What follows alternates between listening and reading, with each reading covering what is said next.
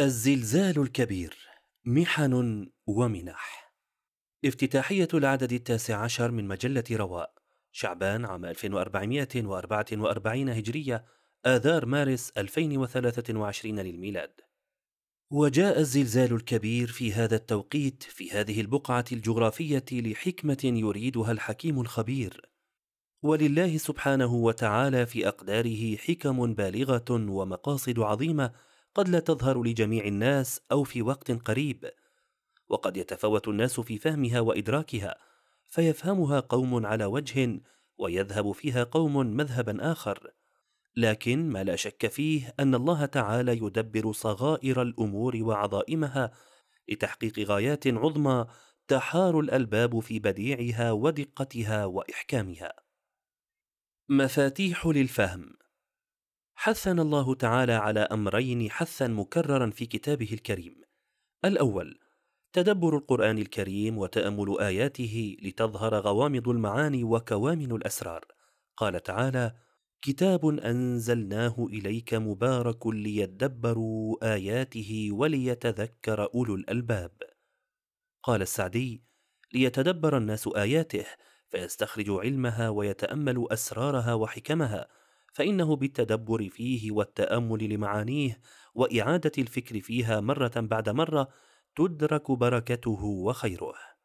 والثاني النظر في التاريخ والأمم وأحوالها وفهم أسباب صعودها وزوالها وأخذ الدروس والعبر من أحوالها والاستفادة مما جرى عليهم. قال تعالى قد خلت من قبلكم سنن فسيروا في الأرض فانظروا كيف كان عاقبة المكذبين. قال مجاهد قد خلت من قبلكم سنن في الكفار والمؤمنين والخير والشر. وبهذين النظرين النظر في هذا الكتاب العظيم بما فيه من قوانين وسنن ونواميس ذكرها الله صريحة واضحة أو مضمنة تفهم من سياق وتركيب القصص القرآني والنظر في أحوال الأمم السابقة وأخبارها يمكن للمرء أن يفهم أو يقارب العديد من الحكم والمقاصد العظيمة ولله الحكمة البالغة. المشهد قبل وأثناء الكارثة. المتأمل في هذا الزلزال يدرك أنه حدث عظيم بما أحاط به من حيثيات وملابسات وبما أحدثه من تغييرات وبقليل من النظر يتوقع المرء تأثيرات كبيرة لهذا الحدث على مختلف الأصعدة والسياقات ومن أهم ما يلحظ في توقيت الزلزال المكاني والزماني. توقيت الزلزال لم يكن عاديا بل كانت ليلة الزلزال من أبرد الليالي في هذا الشتاء في أوج العاصفة الثلجية. الأمر الذي فاقم الصعوبات التي واجهها أهالي المناطق المنكوبة. فالبقاء في البيوت المتهالكة تعريض لهم لخطر الموت تحت الأنقاض والخروج للعراء تعريض لهم لمخاطر التجمد والتوعك الصحي نتيجة البرد الشديد. ثم إن وقت الهزتين كان قبل الفجر والناس نيام. طبيعة الزلزال كانت قوية للغاية هزت الأرض بطريقة غير معهودة. الأمر الذي أدى إلى تساقط الأبنية وإظهار هشاشتها كما امتدت الهزتان القويتان ما يقرب من دقيقة كاملة وهو وقت طويل جدا وكفيل بإحداث الهلع في النفوس والدمار في البنيان. هذا فضلا عن العدد المهول للهزات الارتدادية التي فاقت ثلاثة عشر ألف هزة خلال شهر من وقوع الزلزال. المكان الذي حصل فيه الزلزال ليس نقطة واحدة كما حصل في حوادث سابقة، بل منطقة واسعة تقاسمها عدد غير قليل من الولايات التركية والمناطق السورية، وعند النظر في هذه المناطق نجدها مناطق كثيفة سكانيا، والمناطق التركية منها مكتظة بالسوريين الذين دفعت بهم جرائم النظام السوري إلى البحث عن مكان يأوون إليه، أما المناطق السورية في شمال غرب سوريا فمكتظة هي الأخرى بالنازحين من المحافظات والمناطق السورية الأخرى التي عانت من بطش وويلات النظام. وعلى الصعيد السياسي كانت الاستعدادات في تركيا للانتخابات المفصلية على قدم وساق، وكل حزب يقدم ما لديه من وعود وتطمينات لجمهوره وناخبيه.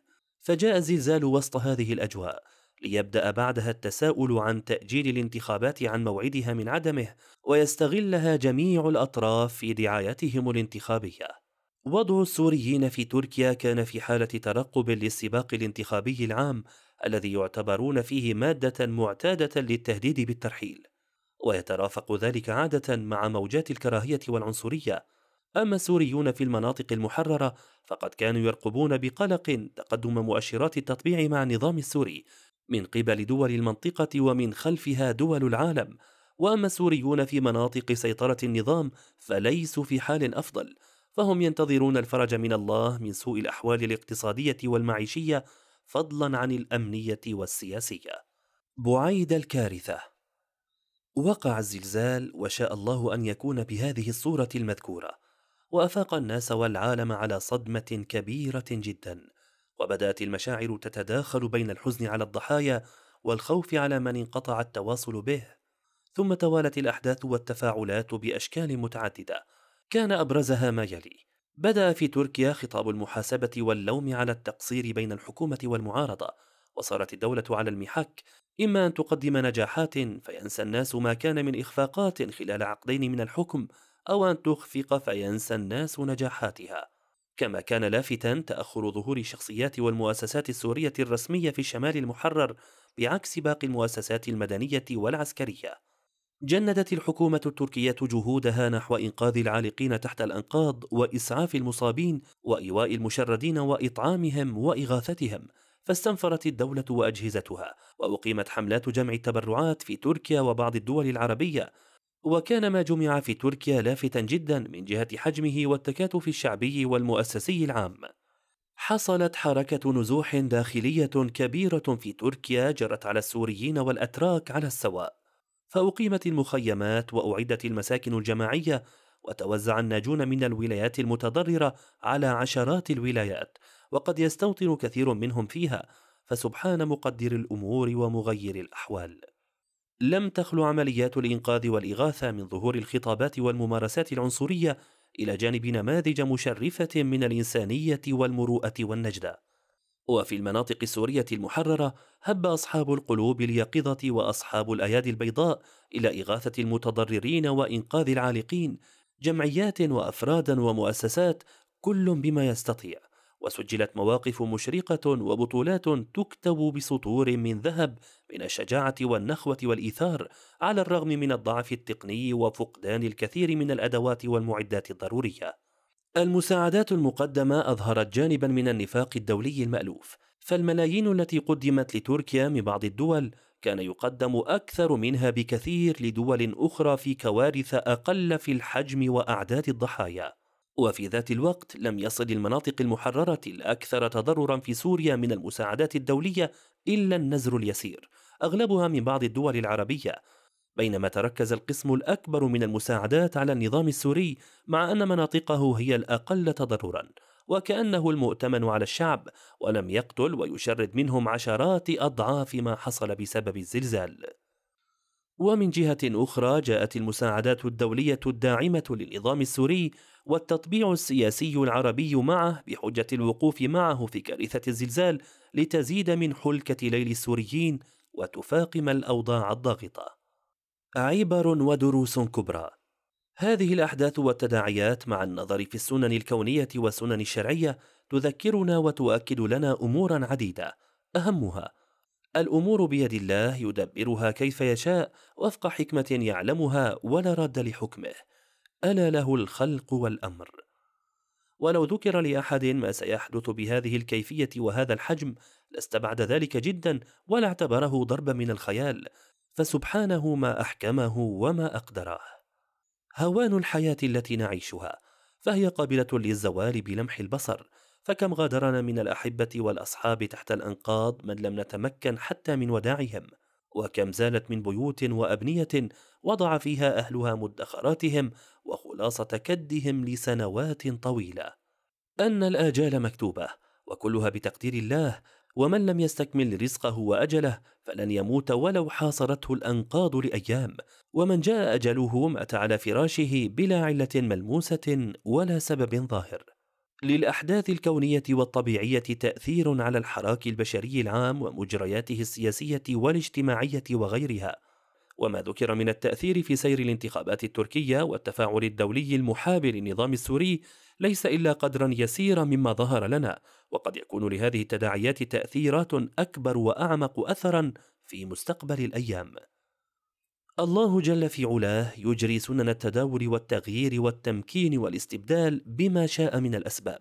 وفيما شهدنا من الأحداث في واقعنا المعاصر كانت الكوارث كالزلازل والأوبئة مع الحروب والتعثرات الاقتصادية شريكة للحراك البشري في المداولة وتغيير واقع الدول والمجتمعات.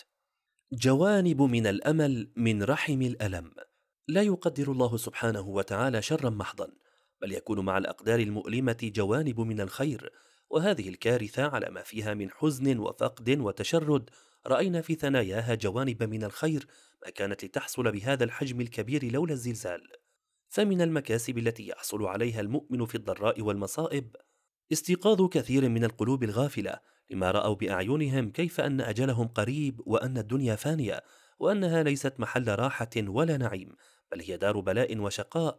وأن المسلم ينبغي أن يكون فيها كراكب استظل تحت شجرة ثم راح وتركها. أخرجه الترمذي. وهذا دافع لهم لإصلاح ما بقي من أعمارهم والاستعداد لليوم الآخر وترك الغفلة والرجوع إلى الله تعالى. العودة إلى الله بالدعاء والتضرع والتوكل. فمن طبيعة الإنسان الغفلة في حال الرخاء بينما ترده المصائب إلى دينه وربه وتبعده عن حياة المسرفين الغافلين وفي ذلك خير كثير.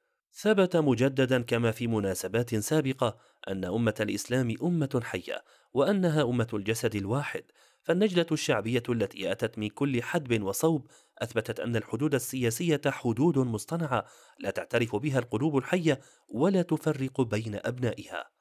أظهر الحدث حياة قلوب الناس النابضة بالحب والخير في جميع المناطق بتكافلهم وسرعة استجابتهم وتماسك منظماتهم بالرغم من فداحة الخطب وقلة النصير وصعوبة الأحوال المادية خصوصا في الجانب السوري.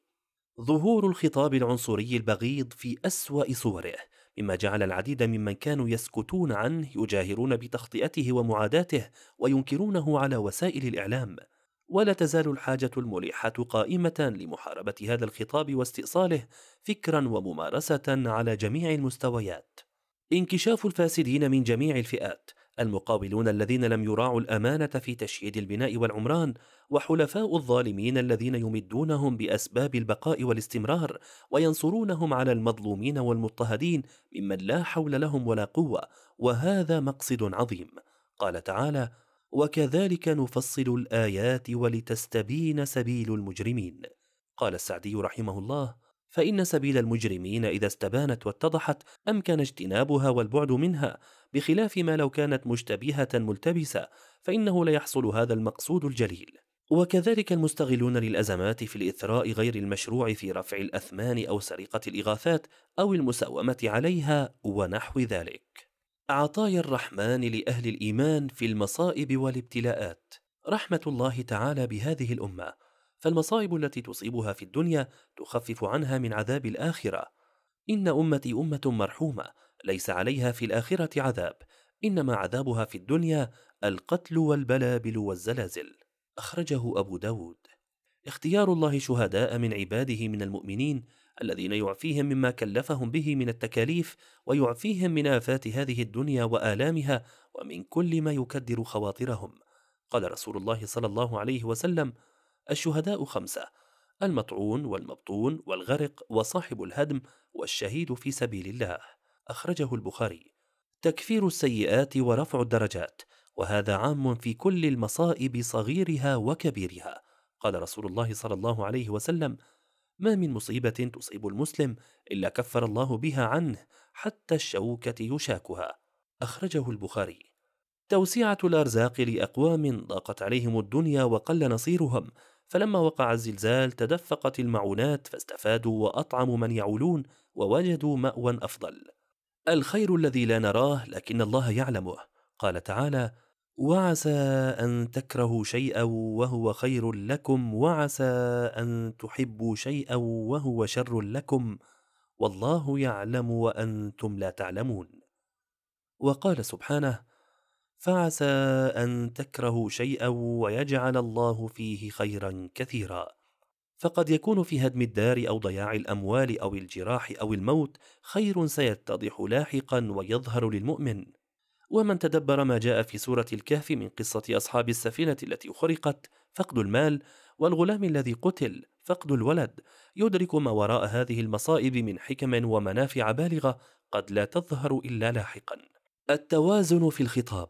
حتى تتوازن الصورة لابد من الإشارة إلى أن هذه الكارثة قد تكون رحمة على قوم وتكون بلاء وعقوبة على آخرين. وقد يجتمع في البلاء انتقام ورحمة في الشخص أو المجتمع نفسه. عقوبة على معصية وكفارة ورحمة على إسلام وطاعة. ولا يستطيع أحد أن ينكر أن المجتمع كان فيه من صور الظلم والتمييز على أساس الجنسية والعرق ما فيه. ومثلها أخذ المكوس والإتاوات الباهظة وأشكال المعاصي الموجبة لغضب الرحمن. وهذه المعاني متواترة في نصوص الكتاب والسنة. ومما يجدر أن يقال في مثل هذا الموقف الثمرة العملية للكلام عن كون البلاءات والمصائب كفارات أو عقوبات هي أن كل مصيبة وابتلاء هي خير وأجر للمؤمن إن هو صبر واحتسب وأن كل ابتلاء ومصيبة هي له سوء وشر إن جزع وتسخط. فإذا وطن نفسه على تحمل المصائب والرضا بقضاء الله وقدره فلا يضره بعد ذلك إن علم سبب البلاء أو لم يعلم. والمسلم يتهم نفسه بالذنب والتقصير على كل حال ويفتش عن الخلل والزلل فكلنا خطاؤون وأينا لم يفرط في جنب الله تعالى. وإذا كان الله سبحانه وتعالى قد أصاب المسلمين يوم أحد بمقتلة عظيمة وهم أصحاب النبي صلى الله عليه وسلم وخير البشر بعد الرسل والأنبياء بسبب مخالفة أمر النبي صلى الله عليه وسلم. فكيف يظن المرء بعد ذلك في نفسه استحقاق رفعة الدرجات في كل ما يصيبه؟ وقد روي عن إبراهيم بن الأدهم رحمه الله أنه كان إذا رأى اشتداد الريح وتقلب السماء يقول هذا بسبب ذنوبي. لو خرجت من بينكم ما أصابكم.